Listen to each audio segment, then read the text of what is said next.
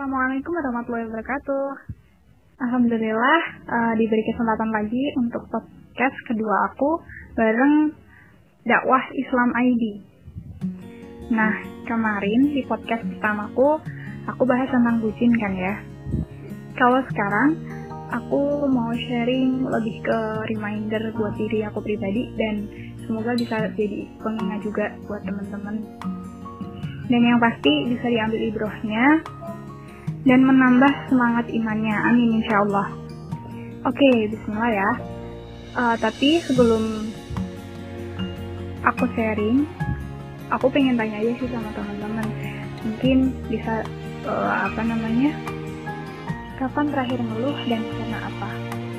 Ngomong-ngomong soal ngeluh nih teman-teman, aku juga pernah merasa kok ujian Allah untuk aku kayak gini ya kok rasanya susah ya?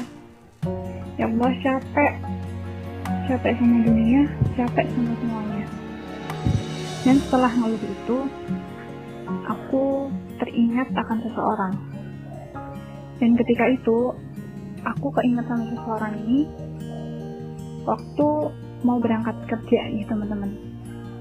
Jadi selama perjalanan aku benar-benar memikirkan seseorang ini teringat sama perjalanan hidup perjalanan hidupnya keinget sama tujuan hidupnya. Dan ketika di perjalanan aku menuju ke tempat kerja di saat itu juga aku muhasabah dan langsung istighfar gitu. Ya Allah kenapa aku ngeluh? Padahal masih banyak nikmat yang harusnya bisa aku syukuri dibandingkan mengeluhkan cobaan-cobaan darimu. Dan teman-teman penasaran nggak siapa seseorang yang membuat aku muhasabah, membuat aku muhasabah dan kembali semangat? Ialah Rasulullah Shallallahu Alaihi Wasallam, Nabi Muhammad, yang namanya dipuji di bumi dan di langit, manusia paling sempurna, merelakan seluruh hidupnya hanya untuk Islam dan umatnya. Bukan hanya untuk kaumnya, tapi untuk seluruh umat manusia. Yang berarti seharusnya Rasulullah ada di jiwa kita bukan hanya ketika kita bersolawat untuknya atau ketika memperingati maulidnya dengan memuji kemuliaannya tapi bagaimana kita menjadikan Rasulullah sebagai bagian dari hidup kita dan Rasulullah ada di keseharian kita sekaligus menjadikan Rasulullah sebagai solusi dari permasalahan diri kita bahkan hidup kita kenapa? karena di samping Allah, uh, Rasulullah menjalankan kehidupannya sebagai seorang nabi tapi beliau juga menjalankan kehidupan layaknya manusia biasa dengan segala problematikanya. Namun perbedaannya adalah Rasulullah adalah manusia yang sempurna. Karena balik lagi ya, ketika manusia biasa itu mendapat ujian dan cobaan, Rasulullah pun juga sama mendapatkan ujian dan cobaan dari Allah. Tapi lebih tepatnya adalah didikan langsung dari Allah dan Rasulullah bisa melewati ujian dan cobaan dari Allah itu dengan sempurna dari cara berpikirnya, akhlaknya, bahkan sampai tutur katanya nyari sempurna. Bahkan ketika sebelum Rasulullah yang kata sebagai nabi, beliau mendapat julukan Al-Amin yang terpercaya. Semua penduduk Mekah memuji akhlak dan kepribadiannya yang sempurna. Bahkan penduduk Mekah itu mencintai Nabi Muhammad SAW. Terbukti dalam sejarah hidup Rasulullah pada usia sekitar 13 uh, eh, atau 14 tahun. Oh Ahwan, pada usia 15 tahun. Ketika itu terjadi yang namanya perang Fijar atau Fujar antara pihak Quraisy bersama Kinanah berhadapan dengan pihak Qais Aizlan. Sarang Fijar atau Fujar ini dinamakan karena terjadi sebuah pelanggaran terhadap kesucian tanah haram dan bulan-bulan suci. Dan setelah perang itu berdampak e, muncullah sebuah perjanjian yang dinamakan dengan Hilful Fudul.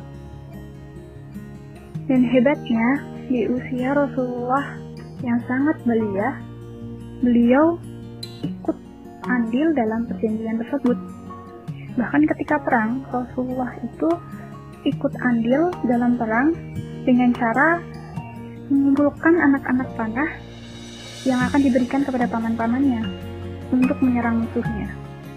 Kalau kita pikir ya, usia 15 tahun atau 13 antara 13 sampai 15 tahun itu adalah usia-usia yang belum bisa diberi kepercayaan sepenuhnya.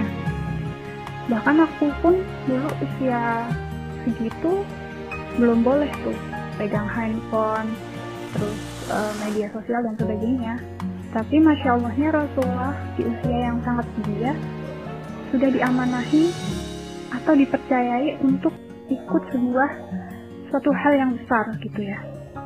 Dan isi perjanjiannya uh, pada intinya siapa pun yang masuk ke wilayah Mekah walaupun dia bukan orang Mekah tetap akan dilindungi haknya. Karena sebelumnya memang ada yang eh, nggak uh, terima gitu. Ketika dia bukan orang Mekah ya bukan kaum dari penduduk Mekah dia masuk ke wilayah Mekah dia diperlakukan sewenang-wenang.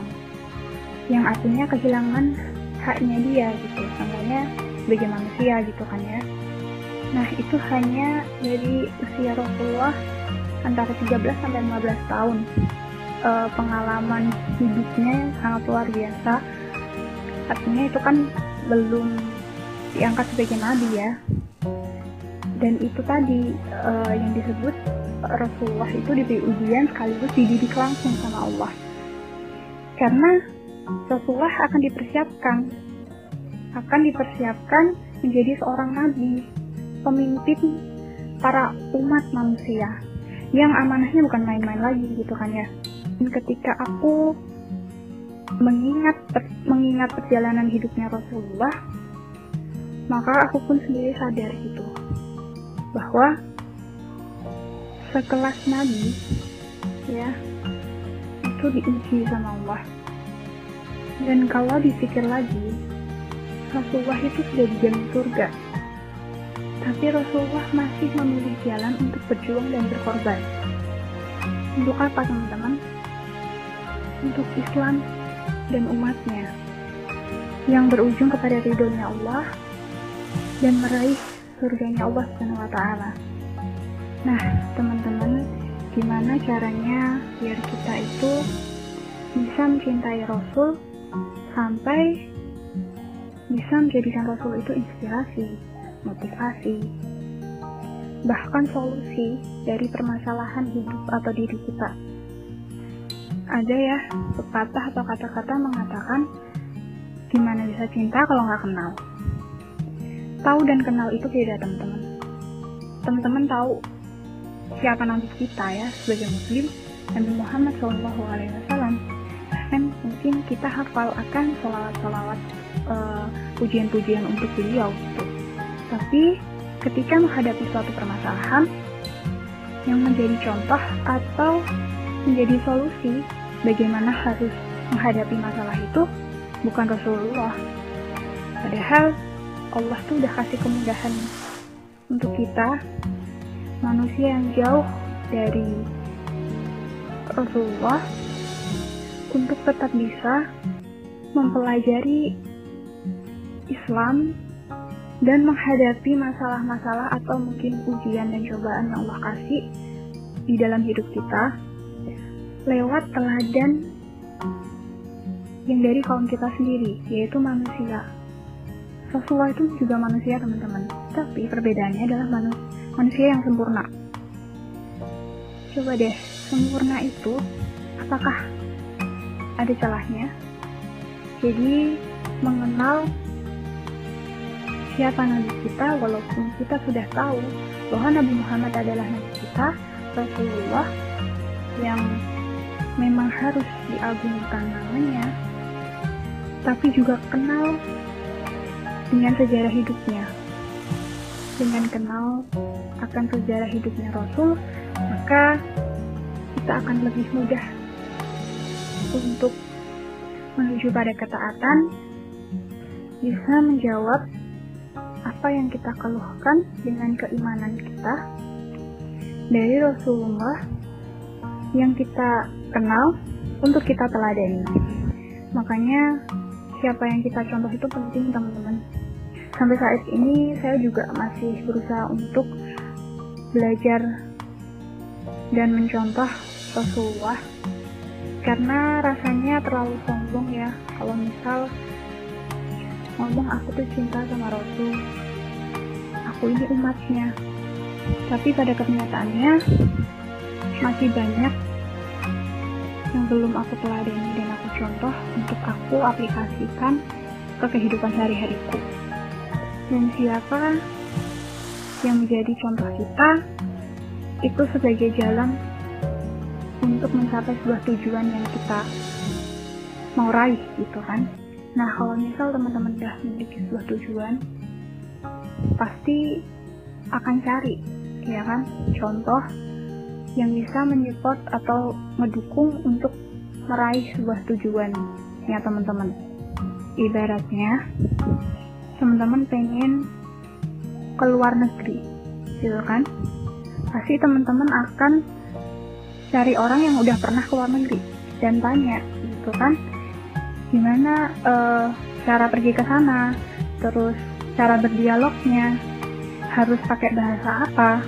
Dan sebagainya yang itu bisa mempermudah untuk teman-teman mencapai tujuannya teman-teman. Ibaratnya kayak goalsnya teman-teman tuh apa nih gitu kan?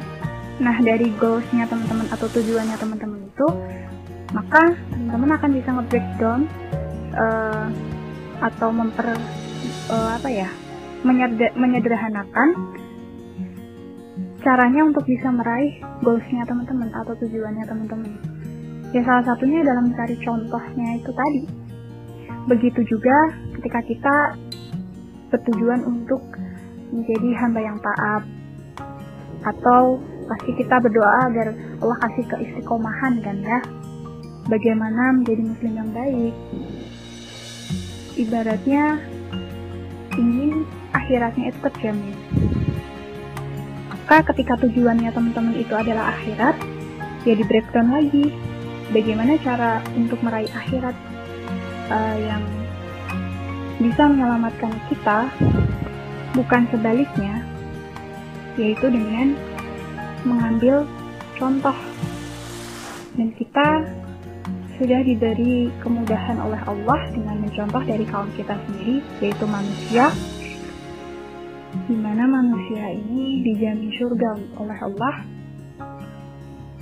menyandang gelar-gelar yang mulia, yang artinya manusia yang sempurna. Jadi teman-teman, ketika tujuannya teman-teman akhirat, maka teman-teman gak akan bisa menemukan contoh selain Rasulullah tapi ketika tujuannya teman-teman dunia ya Rasulullah nggak akan bisa masuk menjadi solusi dari permasalahan diri atau hidupnya teman-teman. Yang dikatakan dunia itu duniawi ya teman-teman. Bukan perkara dunia. Karena Rasulullah pun juga sebenarnya mengalami perkara dunia itu gitu. Kayak contoh tadi diuji juga e, cobaan dan sebagainya itu Rasulullah juga mengalami. Tapi ketika kita mengejar ya tujuan kita itu adalah duniawi, maka Rasulullah itu tidak akan bisa menjadi solusi gitu. Nggak masuk gitulah. Karena Rasulullah sendiri punya tujuan yaitu akhirat dan surganya Allah. Mungkin iman yang naik turun, kadang kadang futur, kadang naik gitu ya. Itu suatu yang hal hal yang wajar gitu. Tapi balik lagi, kita bisa memilih mau bangkit atau mau tetap terpuruk. Dibilang lelah ya lelah, tapi balik lagi, tujuannya apa? Ketika kita berlelah-lelah kata lelah, insya Allah Allah akan ganti dengan yang uh, besar gitu ya, hal yang tanpa kita duga-duga di luar ekspektasi kita ya. Jadi gimana caranya menstabilkan agar kita ketika ngeluh bisa bangkit lagi gitu ya ketika terpuruk, ketika futur, naik lagi. Caranya gimana?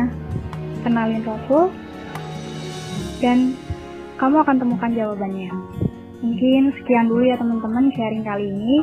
Semoga apa yang aku ceritakan bukan hanya sekedar cerita atau curhat gitu ya, tapi bisa memberikan pelajaran atau ibrah hikmah yang bisa teman-teman ambil untuk mungkin teman-teman pernah merasakan hal yang sama seperti apa yang aku rasakan. Wallahu a'lam Assalamualaikum warahmatullahi wabarakatuh.